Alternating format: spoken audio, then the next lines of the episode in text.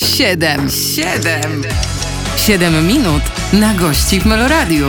Zaprasza Piotr Jędrzejek. Rozpoczynamy nasze spotkanie w programie 7 minut na gości. E, Dzisiaj moje zaproszenie przyjął Artur Barciś. Witam serdecznie. Dzień dobry. Pomyślałem sobie przed tą rozmową, y, że nie chciałbym pytać znowu o te same rzeczy, żeby pan nie musiał opowiadać wciąż y, podobnych historii Błagam. i nie wiem, czy mi wyjdzie.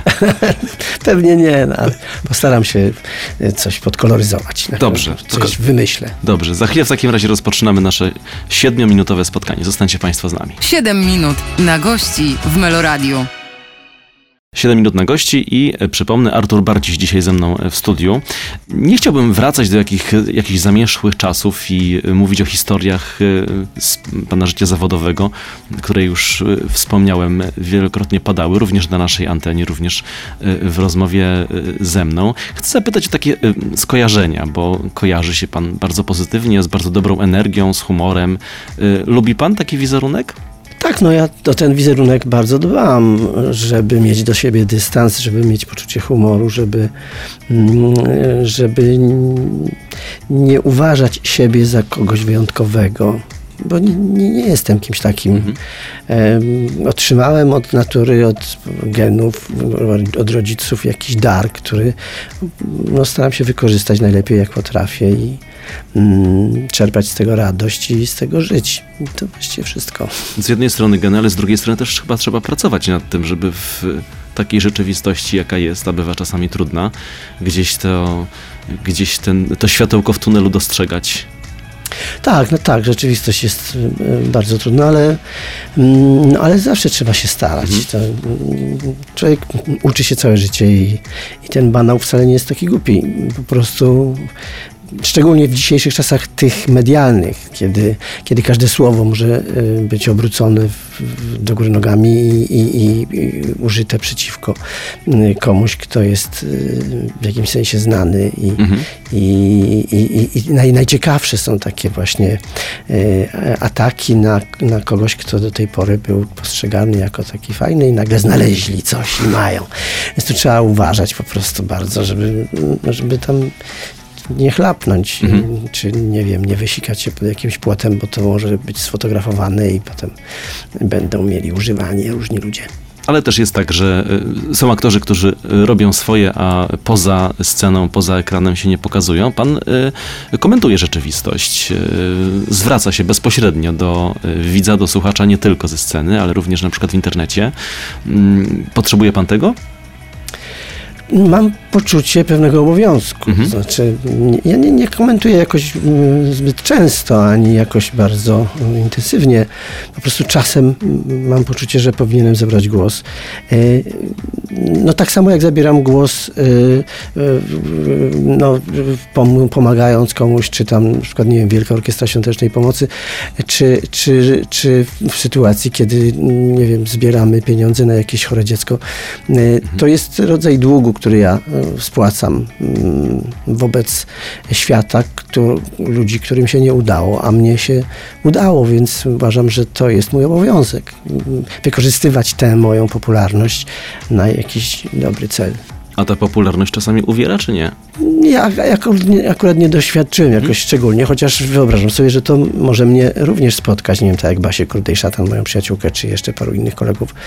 Mm, e, Tak, ta- tak, tak mo- może być, ale mm, ja nigdy nie narzekałem na, na popularność. Nie, nie przeszkadza mi, że ludzie mnie rozpoznają na ulicy, albo że, że ktoś tam podchodzi, prosi autograf, czy żeby sobie ostatnio więcej jest fotografii. Wszyscy mają Selfie. aparaty fotograficzne w komórkach i, i, i, to jest mm, bardzo częste, więc jeżeli się bardzo, bardzo gdzieś nie śpieszę, to, to nie mam z tym żadnego problemu i uważam, że to, to, jest, to jest rodzaj oczywiście próżności, ja to tak traktuję, moja żona szczególnie tak to traktuje, że to, jest po prostu jadę gdzieś na jakieś spotkanie, gdzieś z jakimiś e, fanami, no to mówi, no to już jest targowisko próżności po prostu. Ale, mm, ale ja traktuję to, po pierwsze sprawia mi to frajdę, a po drugie mm, chyba robię coś dobrego. Ci ludzie tego naprawdę potrzebują i, i są szczęśliwi, kiedy po prostu sobie zrobią ze mną zdjęcie, a potem pokażą cioci, dziadkowi i tam komu jeszcze. A ci ludzie patrzą na pana przez pryzmat której roli najczęściej? Bardzo różnie. Bardzo różnie, bo są wielbiciele miodowych lat i, i, i ja jestem norkiem dla nich i w ogóle nikim innym. E, Są wiel- wielbiciele rancha, to są te dwa najpopularniejsze e, seriale, e, czyli Jestem czerepachem, ale też na przykład dosyć często spotykam się z ludźmi, którzy pamiętają moją rolę w dekalogu Krzysztofa Kieślowskiego i tę rolę mm, cenią najbardziej. Więc to różnie. Ja jestem już dosyć stary i dużo zagrałem rzeczywiście y, różnych ról. Y, Na przykład jest mnóstwo ludzi, którzy pamiętają z serialu Tulipan, co mnie dziwi bardzo, bo to już przecież o zamierzchłe czasy, a jednak, y, a jednak z tamtej roli jestem zapamiętany, no już nie mówiąc o Znachorze. No tak, i moglibyśmy tak długo wymieniać, No prawda? właśnie. Ja popatrzyłem sobie na, na, na, na, ten, na ten życiorys, popatrzyłem sobie na, na listę tych wszystkich y, ról, zarówno teatralnych, jak i filmowych i tak sobie y, myślę, bo są młodzi aktorzy, którzy przychodzą tutaj na przykład po zagraniu jednej, jednej roli tak naprawdę i mówią o swoich marzeniach w, tej, w, tym, y, w tym zawodzie, no ale pan często podkreśla, że, że pan czeka na, na ważne role. Tak, no nie, nie czekam jakoś, jako, jako szalenie. To się po prostu dzieje. E, To jest taki zawód, w którym no, każda rola, którą się gra, może być y, przyczyną następnej. E, Bo jakiś reżyser zobaczy mnie w tej roli i sobie pomyśli, o, do głowy mi nie przyszło, a, a może to bardziej by to zagrał. Tak zresztą stało się stosunkowo niedawno. Ja od bardzo dawno nie grałem w kinie, czy w, na dużym ekranie, e, ale, ale znalazł się reżyser mm, Paweł Chmielewski, który y, akurat zaczynał zdjęcia, czy tam planował zdjęcia do filmu fabularnego pod tytułem Polowanie i wymyślił sobie, że ja zagram najbardziej negatywną postać w tym filmie. I już ją zagrałem. Bardzo jestem mu z tego powodu wdzięczny, bo, bo to trzeba dosyć dużej odwagi, żeby aktorowi postrzeganemu jako aktor komediowy, czyli z, z gruntu niepoważny, powierzyć rolę, która jest bardzo serio. mm, Zobaczymy, co z tego wyjdzie, e, ale mm, mam nadzieję, że to będzie dobry film. Wrócę do tego wątku w takim razie za chwilę. Pierwsze 7 minut naszego spotkania dobiegło końca. Przypomnę, Artur Barci dzisiaj ze mną w studio. 7 minut na gości w Meloradiu. Artur Barciś ze mną w studiu. E, Wracamy do rozmowy m, w programie 7 minut na gości. Zawsze mam ten kłopot, kiedy rozmawiam z aktorem, y, który już zagrał, a jeszcze nie widział premiery filmu, ani ja też nie widziałem i tak naprawdę jesteśmy w takim zawieszeniu, bo trochę nie wiadomo, o czym mówimy, dlatego nawiązuję do tego filmu, o którym pan wspomniał. Ile pan może powiedzieć, a ile nie może? No, nie wiem, nie było jakichś, co nie jest Netflix, więc zagrałem ostatnio w, w filmie e, produkowanym przez Netflix i, e, i nie, nie wolno powiedzieć ani jednego słowa na temat tego filmu i to jest tak straszliwa tajemnica, a film będzie bardzo głośny, na pewno. No, ale nie mogę podać ani tytułu, ani, ani w ogóle nic więcej nie, nie wolno podawać. No ale taka jest pewnie promocja, ten rodzaj promocji, czyli jej wielka, wielka tajemnica i nagle gruchnie to wszystko, wybuchnie i, i będzie. Tutaj nie, nie, nie, nie ma takiego problemu. Znaczy na pewno nie mogę opowiadać treści. Oczywiście. Ale zagrałem mm, takiego małomiasteczkowego bossa, y, małomiasteczkowej mafii, który y, najpierw promuje pewnego faceta, żeby został burmistrzem miasta, y, bo jest mu potrzebny do swoich celów, a potem się okazuje, że ten burmistrz nie spełnia tych oczekiwań, no i trzeba go nauczyć, jak ma postępować i co ma zrobić, albo zmusić do tego, żeby to, żeby to zrobił. No, dużo więcej nie mogę powiedzieć. Główną rolę gra Michał Czernecki. No nie, nie wiem, proszę pytać, to ja tam może coś To nie, nie, to nie będę chyba drą- wystarczy, Już nie będę drążył, oczywiście. Ja tak sobie pomyślałem, teraz mi przyszło do głowy, y, jeżeli chodzi o przygotowanie do roli, często, często bardzo lubimy słuchać e, o tym, jak aktorzy to robią i jak y, kombinują, żeby było wiarygodnie i y, niektórzy bardzo się w, angażują w takie sytuacje, bo przecież tutaj w tym studiu takie historie już opowiadał między innymi Tom, Tomek Kot, który mówił o tym, jak do, do pewnych ról się przygotowywał, po prostu spędzając czas czy w y, szpitalu, czy wśród osób zażywających narkotyki. Pan jest zwolennikiem takich metod? Czy takie metody w Pana przypadku działają? No, jestem zwolennikiem każdej metody, która mm, skutkuje dobrze zagraną rolą, jeżeli ktoś tego potrzebuje mm, i, i, i go na to stać i, i ma na to czas, to, to tak, absolutnie. Mm, ja nie, nie, był, miałem taką sytuację przy y, produkcji serialu Doręczyciel, kiedy grałem faceta, który jest upośledzony umysłowo i, y, i to było wyzwanie, bo, no bo zazwyczaj gramy po prostu charaktery, czyli ja mhm. mogę być, wyglądać tak jak ja, a grać bossa małomiasteczkowej mafii, bardzo złego człowieka, ale, ale to jest jego mm, charakter, czy jego, mm, no to, to jak on żyje. Natomiast y, granie osoby upośledzonej to już jest coś innego, ponieważ to, to jest człowiek, który zachowuje się zupełnie inaczej niż my wszyscy. No i trzeba się było tego hmm. nauczyć. Ja miałem dosyć dużo czasu, bo ciągle nie było pieniędzy na ten, na ten serial, więc y, chodziłem w różne miejsca takie, gdzie mogłem takich ludzi obserwować i, i nanieść na siebie ten, y, tę postać. E, a potem troszeczkę w trakcie kręcenia zdjęć trochę o tym zapominałem, że już nie jestem Jankiem Kaniewskim, tylko ze sobą chodziłem tak jak on, albo, albo patrzyłem tak jakoś e, dziwnie. To, to mi się zdarzało. Ale z reguły nie, nie mam tego problemu. Zazwyczaj, m, kiedy gram w teatrze szczególnie, e, schodzę ze sceny, wchodzę do garderoby, przebieram się i już ta rola zostaje w teatrze. My lubimy też spoglądać za Pamiętam taką anegdotę, przepraszam, Aha. że wspomniał, bo to jest, bardzo to lubię, jak, a propos tego, co on powiedział, jak Dustin Hoffman kręcił razem z Lorenzem Oliwierem film Maratończyk. Mhm. Dustin Hoffman był jeszcze wtedy młodym, ale takim bardzo, bardzo już obiecującym aktorem i miał tam właśnie tę metodę, że, że, że tam wstawał o 5 rano i biegał y, tam 20 kilometrów i taki przybiegał do studia i y, cały spocony, zmęczony, zdziałany Y, a w, a w garderobie siedział Lorenz Olivier wypachniony i, i cały w ogóle tamtego i patrzy, popatrzył na Dustina Hoffmana i mówił, no i po co się tak pan, po co pan się tak męczy, że to wszystko można zagrać.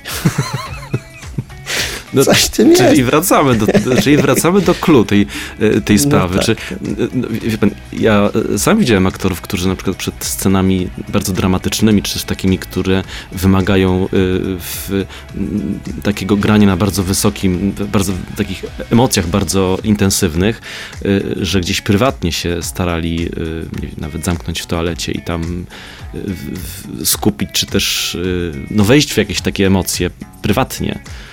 No skupić, skupić tak, to, to oczywiście są takie emocje, które trzeba w sobie wyzwolić i je zagrać, ale z tym też trzeba bardzo uważać, dlatego że aktorstwo to jest jednak samokontrola. To jest, to jest umiejętność wywoływania emocji, które należy powtórzyć. Y, I powtarzalność to jest jedna z podstawowych zasad aktorstwa. Y, I, i czy to w teatrze, czy, czy w filmie jest trochę łatwiej, dlatego że w filmie, jak coś nie wyjdzie, można zrobić dubel, można powtórzyć. W teatrze nie można powiedzieć publiczności, przepraszam Państwa, ja to zagram jeszcze raz, bo to trochę mi nie wyszło. E, więc, no ale, ale tak czy inaczej trzeba to kontrolować, inaczej zawsze to powtarzam, Otello udusiłby Desdemonę, bo, bo, tak, bo tak to się mówi w naszym slangu, zagrał się mhm. i zapomniał, że, że to tylko postać. A w tej postaci y, się bywa, czy też bywa się, y, nie wiem, na przykład prywatnie w domu? Jedna z aktorek tutaj w studiu kiedyś powiedziała, że po, przepraszała rodzinę po premierze, bo zdała sobie sprawę, że tak bardzo była w, w, w, spektaklu, tak bardzo była w roli, że przynosiła to do domu i była zupełnie inną osobą tak prywatnie. Zdarzyło się panu? Nie, nie, nie. Staram się tego nie mhm. robić i, i, myślę, że no, nie wiem, może mi się kiedyś tam zdarzyło dawno temu, ale teraz na, na pewno już nie. Czyli nie przepraszał pan żony? nie, nie, chyba nie mam za co. Artur Bardziej dzisiaj ze mną y, w studiu Meloradio. Jesteśmy w programie 7 minut na gości. Za chwilę wracamy. 7 minut na gości w Meloradio. Obiecałem na początku rozmowy, że będę się starał nie pytać o te same rzeczy, o które zwykle się pyta, no ale są takie obowiązkowe tematy i chciałbym teraz taki temat. Tylko proszę wejść. nie pytać, czy wolę grać w teatrze czy w filmie. Nie, nie, tego pytania Dziękuję. nie przewidziałem. Dziękuję bardzo. Artur Bardziś przypomnę ze mną dzisiaj w studiu, ale chciałbym wrócić do tej historii e, z Kieślowskim, tak na chwilę. E, dla mnie to są bardzo ważne filmy, myślę, że dla wielu też e, naszych słuchaczy, a sam pan wspomniał, że to jest też rola, którą która często do Pana wraca. Y, jak Pan o niej myśli z tej perspektywy? Czy Pan na przykład czasami ogląda sobie to, tak, puszcza sobie film, y, sprawdza jak to było, czy to jest zupełnie zamknięta historia?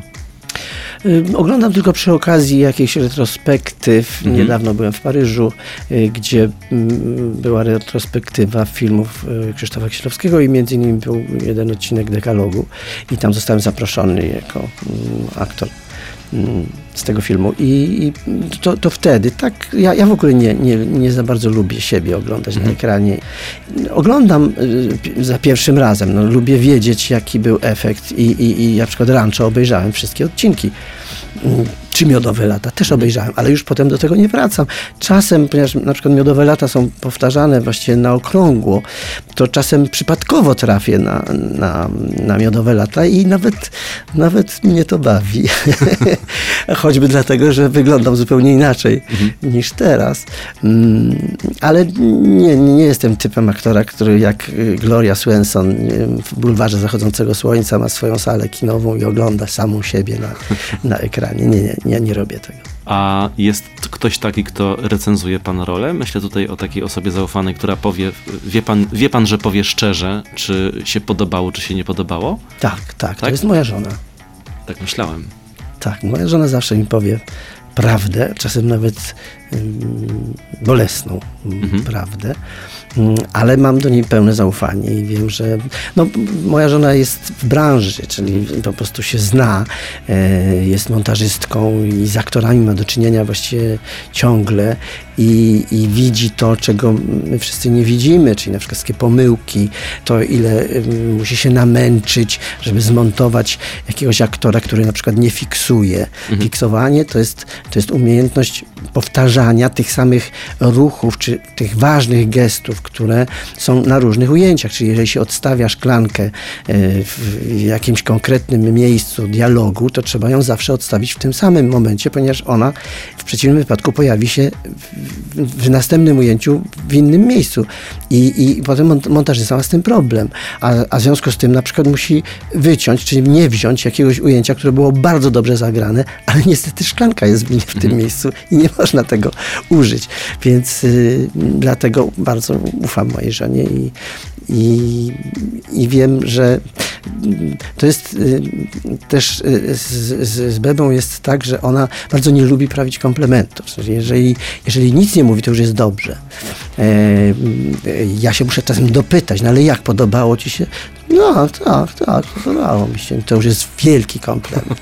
Taki No ale, ale ona z kolei uważa, że ja jestem tak rozpuszczony, że ja jestem rozpieszczony, że cały czas e, no, tylu ludzi ciągle mi prawi komplementy i, i kiedy idziemy razem gdzieś nie wiem, w galerii handlowej, to, to co chwilę ktoś za nas zaczepia i mówi, panie Arturze, jaki pan jest wspaniały. No to o ją to szlak jasny trafia, wcale się nie dziwię, e, bo ileż można. Więc ona uważa, że ja i tak z, jestem chwalony na każdym kroku, więc ona już nie musi tego robić. A zdarza się panu chwalić innych? Tak, oczywiście. Oczywiście ja się zachwycam, ja uwielbiam I, i jeżeli moi koledzy grają wspaniale, to, to ja jestem absolutnie tak, tak, tak. Wspomniał pan y, moja przyjaciółka, powiedział pan moja przyjaciółka y, Barbara Kurdej-Szatan. Zresztą była tutaj y, Basia niedawno w programie. Chcę zapytać więc o przyjaźnie. Jak to jest w, w, w, jakby w, w branży? Jest miejsce na takie, takie prawdziwe przyjaźnie? Pan takie ma? Tak. Tak, tak, myślę, że tak. Spędzamy ze sobą bardzo dużo czasu, Mhm. szczególnie kiedy jest jakaś sztuka, której się, mm, która długo jest grana yy, i, i, i ma powodzenie i, i szczególnie kiedy to jest na przykład taka sztuka, którą gramy w całej Polsce. Na przykład ja zrobiłem mm, taki spektakl pod tytułem, wyreżyserowałem spektakl pod tytułem Nerwica Natręstw, który ma ogromne powodzenie yy, i yy, w związku z tym my jeździmy, w, spędzamy dużo czasu w busie, który musimy dojechać z jednego miasta do drugiego i tak dalej, i tak dalej. I, I w związku z tym spędzamy ze sobą dużo czasu i te, gdybyśmy się nie przyjaźnili, na przykład, nie wiem, Jowita Budnik, moja serdeczna bardzo przyjaciółka, e, gdybyśmy się, nie wiem, nie, nie lubili, to to byłby jakiś koszmar. Więc dla, dla higieny my po prostu staramy się akceptować si- siebie, a, a szczególnie jeżeli się dobierze taki zestaw aktorów, tak jak na przykład jest, taki jest w Nerwicy Natręstw, to po prostu ja uwielbiam. Nie mogę się doczekać, kiedy znowu będę grał n- Natręstw, bo po prostu uwielbiam tych ludzi, szczególnie, że to ja ich dobrałem jako reżyser. To też ciekawe y, spojrzenie. z- Zresztą takie zajęcia były kiedyś, y, czy nadal są w szkołach teatralnych. Ja pamiętam reżysera, który powiedział, to było niesamowite zobaczyć y, to z drugiej strony. Myślę tutaj o sytuacji, w którym y, studenci reżyserii musieli nagle stanąć na scenie i byli reżyserowani. I niektórzy mówili, że zupełnie im się świat przewrócił wtedy. Nie wiedzieli, że tak to, tak to wygląda i tak to jest czasami, jak, jak się reżyser nawet znęca nad aktorem. Y, y, To jest okropne. Ten, ja nigdy tego nie, nie robię. A jakim pan jest reżyserem? Y, Życzliwym. Ja myślę, że wszyscy pracujemy na ten sam efekt. Mhm. I, i, I znaczy wszystko zaczyna się od obsady. Jeżeli- Jeżeli już dobiorę obsadę, która jest y, y, dobra, to potem już nie ma większych problemów. Y, y, Czasem zdarza się, że ponieważ przygotowywanie spektakli zmieniło się diametralnie. Kiedyś, kiedy ja zaczynałem, kiedy debiutowałem, no, spektakl robiło się pół roku i najpierw były próby stolikowe, reżyser tam gadał, coś tam tego, koncepcję, potem było y, roz, rozbieranie na poszczególne części każdej postaci i tak dalej, i tak dalej. Długo to trwało. Nawet tekstu nie, się nie, trzeba- nie trzeba było uczyć, dlatego że on sam wchodził na tych próbach y, stolikowych, a potem się wchodziło na scenę, jedną scenę robiło się przez tydzień i tak dalej. Teraz nie ma na to czasu, bo, bo po prostu szczególnie w tych prywatnych teatrach, gdzie salę trzeba opłacić i tak dalej, wszystko się musi bilansować, więc trzeba po prostu robić szybko i trzeba się szybko samemu nauczyć tekstu na pamięć, potem przyjść i zagrać, jak się ma talent. To to nie jest jakoś szczególnie skomplikowane, szczególnie kiedy reżyser wie, jaki chce- efekt chce y, uzyskać. Czasem zdarza się i ja to się tego nauczyłem od Krysi Jandy, że, że ponieważ nie ma czasu, to czasem trzeba po prostu pokazać, jak to należy zagrać. I ja mam tę przewagę nad innymi reżyserami, że mogę to zrobić. I zresztą koledzy są bardzo wdzięczni, bo, bo mówię, a no tak, nie, no to wiadomo, to trzeba było tak od razu. No i, i, i dzięki temu ten proces powstawania spektaklu jest e, dużo szybszy. Szybciej musimy też y, kończyć, Kończyć. naszą, tak, naszą rozmowę teraz, bo już y, ponad 7 minut rozmawiamy. Artur Barciś ze mną w studiu, za chwilę wracamy. 7 minut na gości w Meloradiu. Wracamy w 7-minutowym spotkaniu z Arturem Barcisiem do naszej rozmowy. Kiedyś jeden z reżyserów powiedział taką, wydawałoby się, banalną rzecz, że widzowie chcą oglądać na scenie to, czego sami nie potrafiliby zrobić. I aktor musi y, takim zadaniom podołać, tak na scenie y, w, y, grać, żeby ten widz sobie rzeczywiście myślał, no, robi wrażenie. Zgodzi się pan z tym? Nie, nie, nie, nie, nie zgodzę się, dlatego że to w ogóle nie o to chodzi.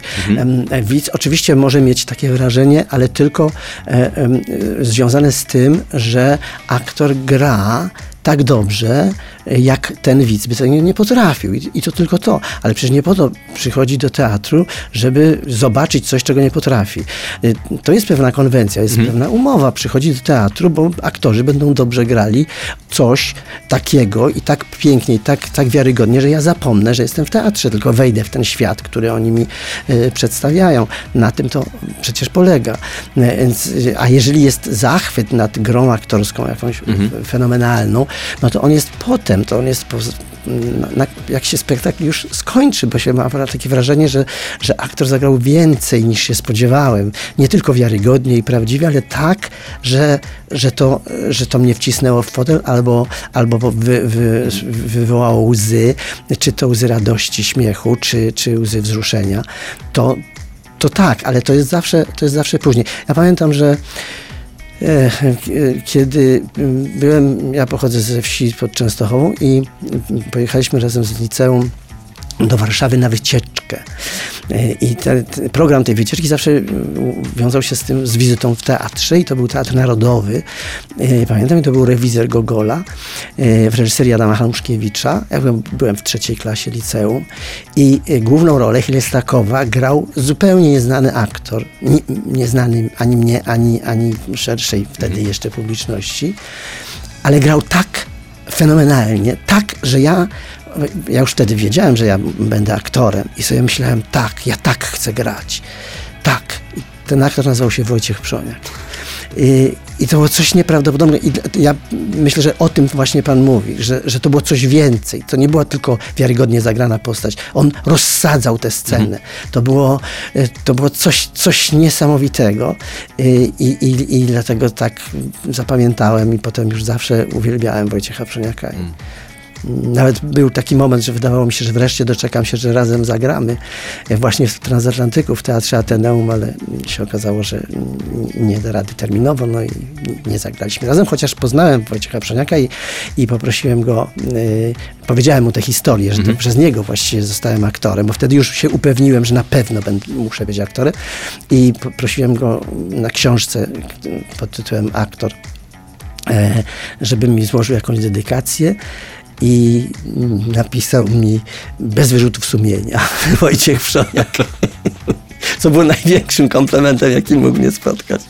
A takim spotkaniem właśnie, no nie chcę mówić tutaj znowu, y, y, otwierać takiego wątku autorytetów y, aktorskich, teatralnych, ma, a ma pan taką listę osób, o których sobie pan myśli jako takich wielkich? No mam, mam taką listę, znaczy listę, no po prostu są e, wspaniali aktorzy, których podziwiam, który, których zawsze podziwiałem, albo, albo po prostu są moimi wzorami. E, No nie wiem, Krystyna Janda, y, Jurek Sztur, czy zmarł niedawno Jurek Trela, to są, to byli Jerzy Kamas, e, Marian Kociniak, Gustaw Holubek. Wszyscy ci ludzie, gdzieś tam się z nimi spotkałem i byli dla mnie mistrzami w tym fachu, bo to jest tak, że, że, że my się uczymy całe życie. Ja nie, nie siedziałem w garderobie w Teatrze Ateneum na przykład, czy, czy w Teatrze Narodowym. Ja cały czas siedziałem za kulisami i patrzyłem, jak oni grają, jak, jak, ich, jak, jak, jak, to, jak do tego dojść, żeby tak, tak genialnie grać, bo aktorstwo to jest mm, nie tylko ten dar, z którym się człowiek rodzi, którego nie można się nauczyć, tylko trzeba go mieć, ale też warsztat, czyli ta, ten zestaw umiejętności, których można się nauczyć, ale żeby się nauczyć, trzeba się uczyć, a najlepiej się uczyć od mistrzów.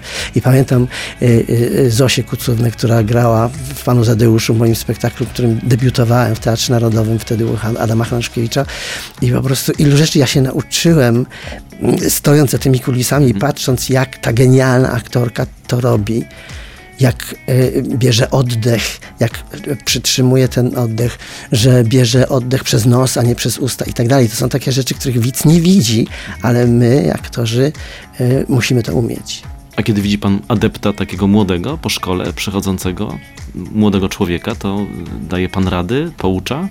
Jeżeli jestem reżyserem, to muszę, bo, bo, bo ja chcę uzyskać pewien efekt, który ten młody aktor musi mi zagrać. Jak nie potrafi, to znaczy, że albo ja popełniłem błąd, że go obsadziłem, albo, mm, albo ja źle reżyseruję, albo źle nie, nie umiem dotrzeć do tego aktora, ale jeszcze mi się chyba nie zdarzyło czegoś, tak, coś, coś takiego.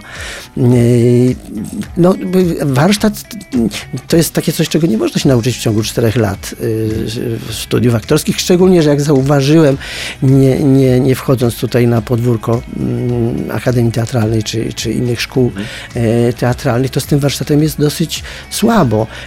Być może to jest pochodną tego, że reżyserzy teraz na przykład nie wymagają jakiejś y, znakomitej dykcji. Wręcz przeciwnie, słyszałem, że, że właśnie reżyser mówił, nie, nie, nie, masz mówić niewyraźnie. Ale, ale dlaczego niewyraźnie? No bo ludzie tak nie mówią jak, jak, jak ak- dobrą dykcją. Ludzie mówią złą dykcją, no ale widzowie mnie, nie będą mnie rozumieli. A widz to mnie w ogóle nie obchodzi. No takie nawet rzeczy dzieją się. Więc ja akurat na to zwracam uwagę i i, i, I cieszę się, jeżeli młody aktor y, się uczy. Bo, bo wszyscy się uczyliśmy kiedyś i, i, i uczyć się tego zawodu trzeba właściwie całe życie.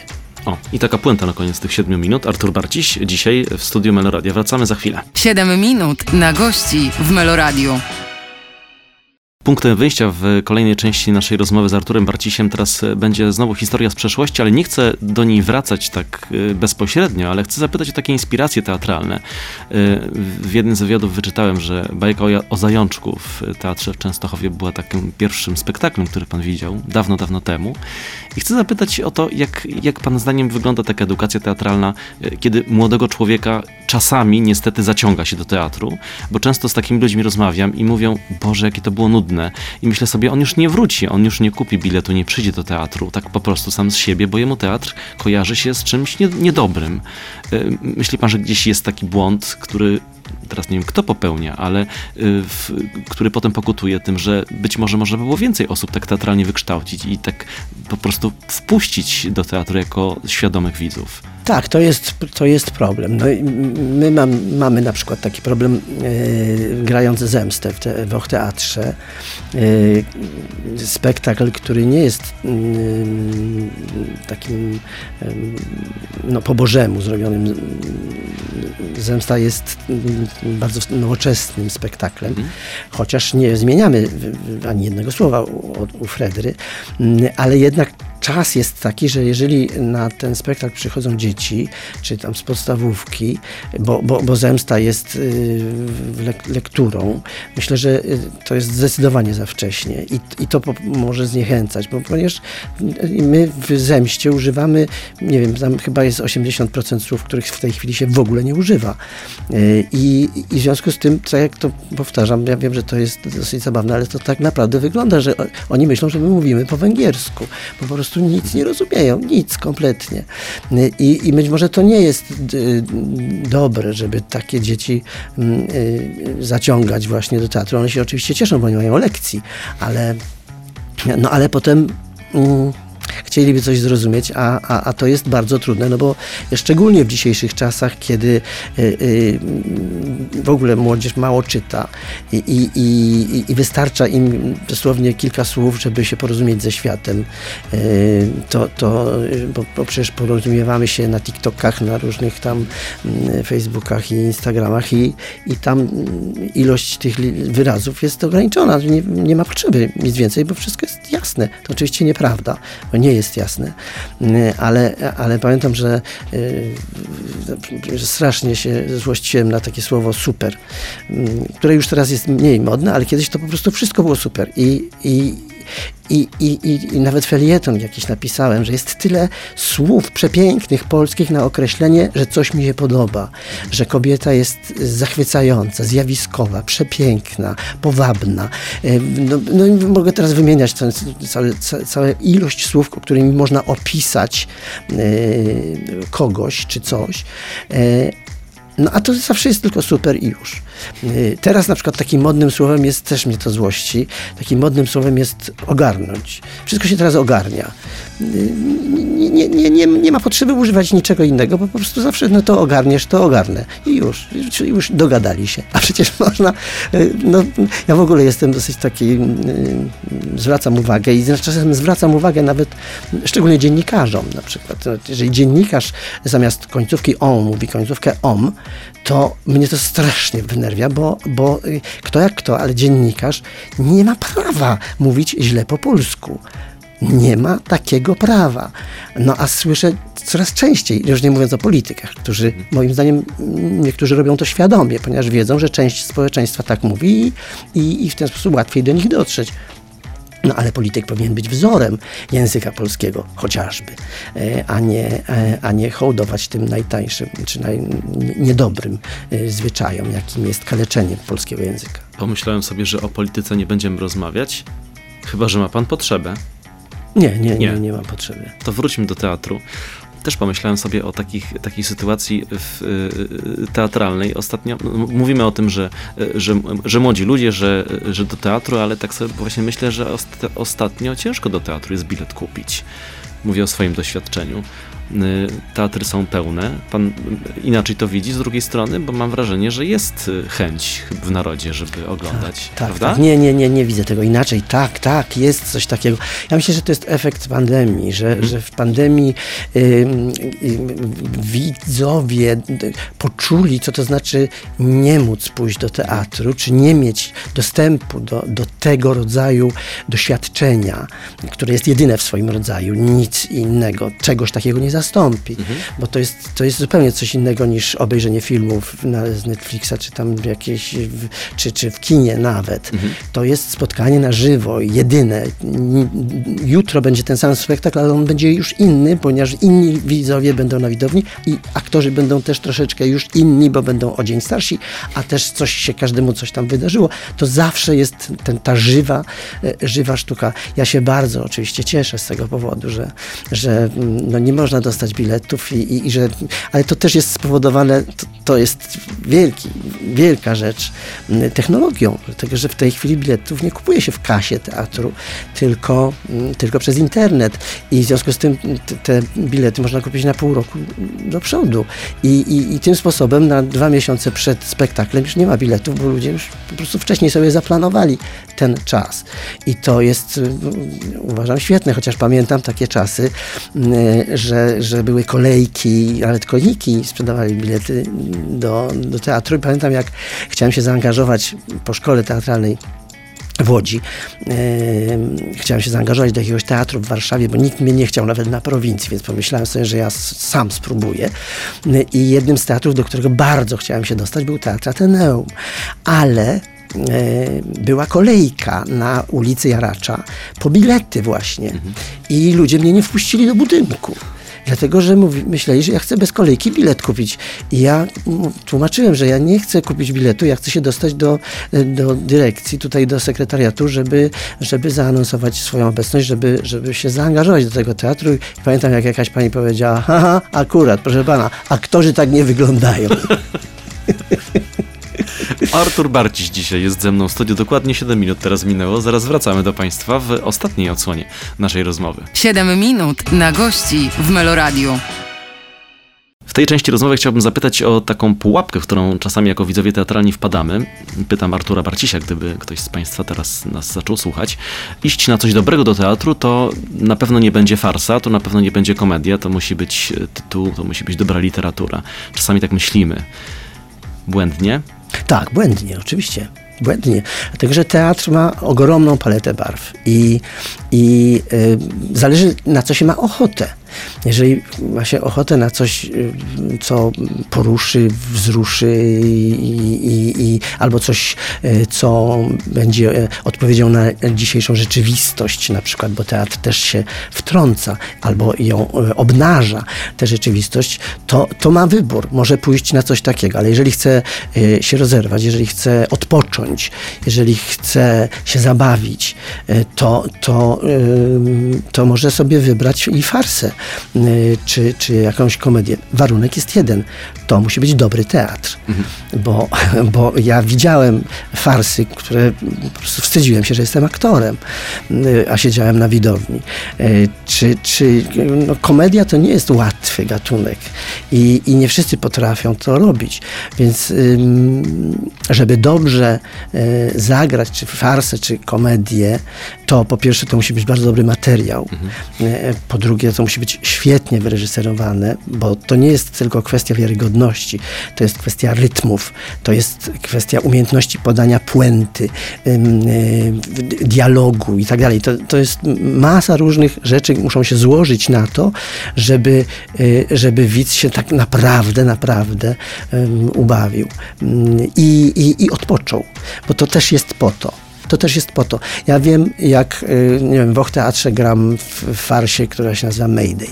I, i gram już chyba 10 lat. I mm, czy, czy w, w, nie wiem, Słoneczni Chłopcy, ostatnia premiera w Och która nie jest farsą, to jest komedia, ale też właściwie bardzo mm, smutna komedia, taka wzruszająca bardzo.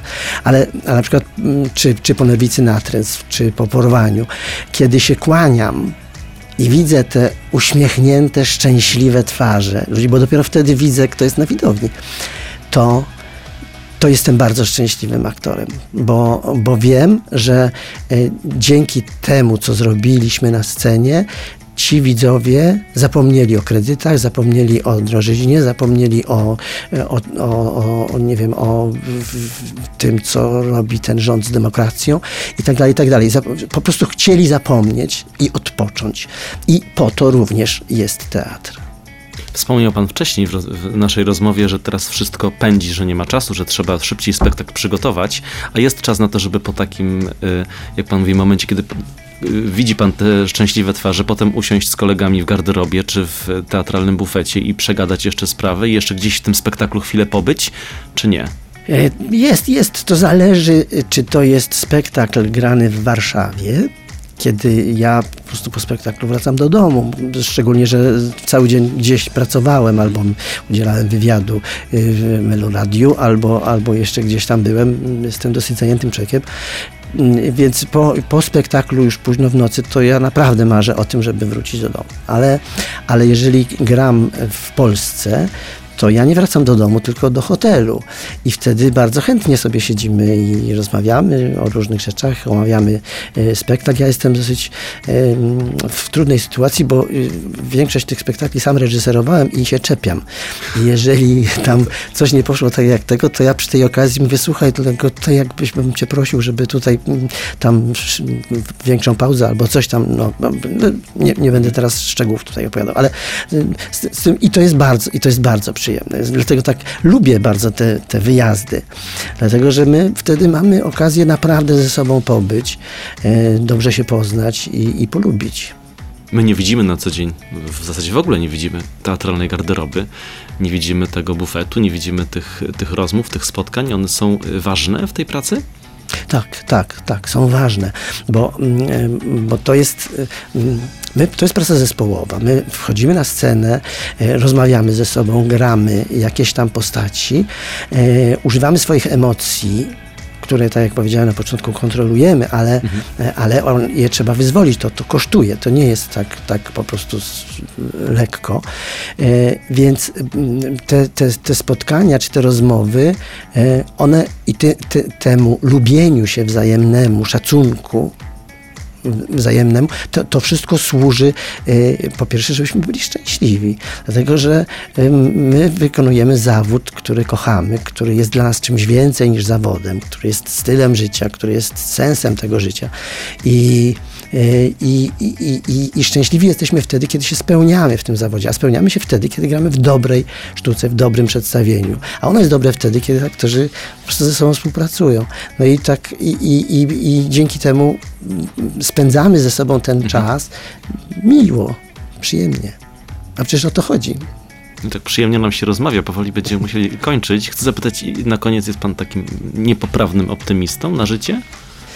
Byłem, byłem. Jestem coraz mniejszym optymistą, chociaż ciągle muszę wyciągać kogoś za uszy z jakiejś depresji, z jakichś takich czarnych, różnych myśli, bo ja jestem takim człowiekiem, który mm, zawsze tę szklankę widzi do połowy pełną i zawsze wierzy w to, że nie ma takiej sytuacji, w której nie można by wybrnąć i że każdy kryzys mija i, i, i, i, i tylko od nas zależy, żebyśmy sobie chcieli z tym, e, z tym poradzić, więc to i, w sumie jestem, no ale, ale też z drugiej strony nie jestem, bo, bo, bo to, co się dzieje z naszą planetą, co się dzieje z ten kryzys klimatyczny, który pędzi po prostu, jest dużo szybszy niż nam się wszystkim wydawało.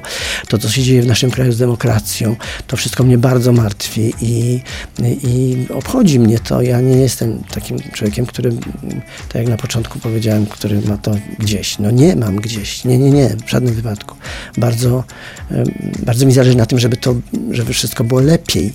E, no a, a, a jak nie jest, no to wcale nie mam powodu, żeby się mm, z tego cieszyć. Artur Bardziś dzisiaj ze mną w studiu. Za chwilę jeszcze wrócimy, no już niestety tylko, żeby się pożegnać i powiedzieć do zobaczenia. 7 minut na gości w Meloradiu. Dziś e, w programie 7 minut na gości Artur e, Bardziś był moim gościem. Bardzo dziękuję za przyjęcie zaproszenia. Ja również dziękuję. Cieszę się, że mogliśmy e, porozmawiać na te, na te tak artystyczne tematy. E, przypomnę Państwu playermeloradio.pl, tam jesteśmy i będziemy, można nas wysłuchać i oczywiście na YouTubie po tej rozmowie także będziemy z obrazem z ośmiu kamer z naszego studia. Ojej, a to było filmowane? Oczywiście. Ale taki nieuczesany.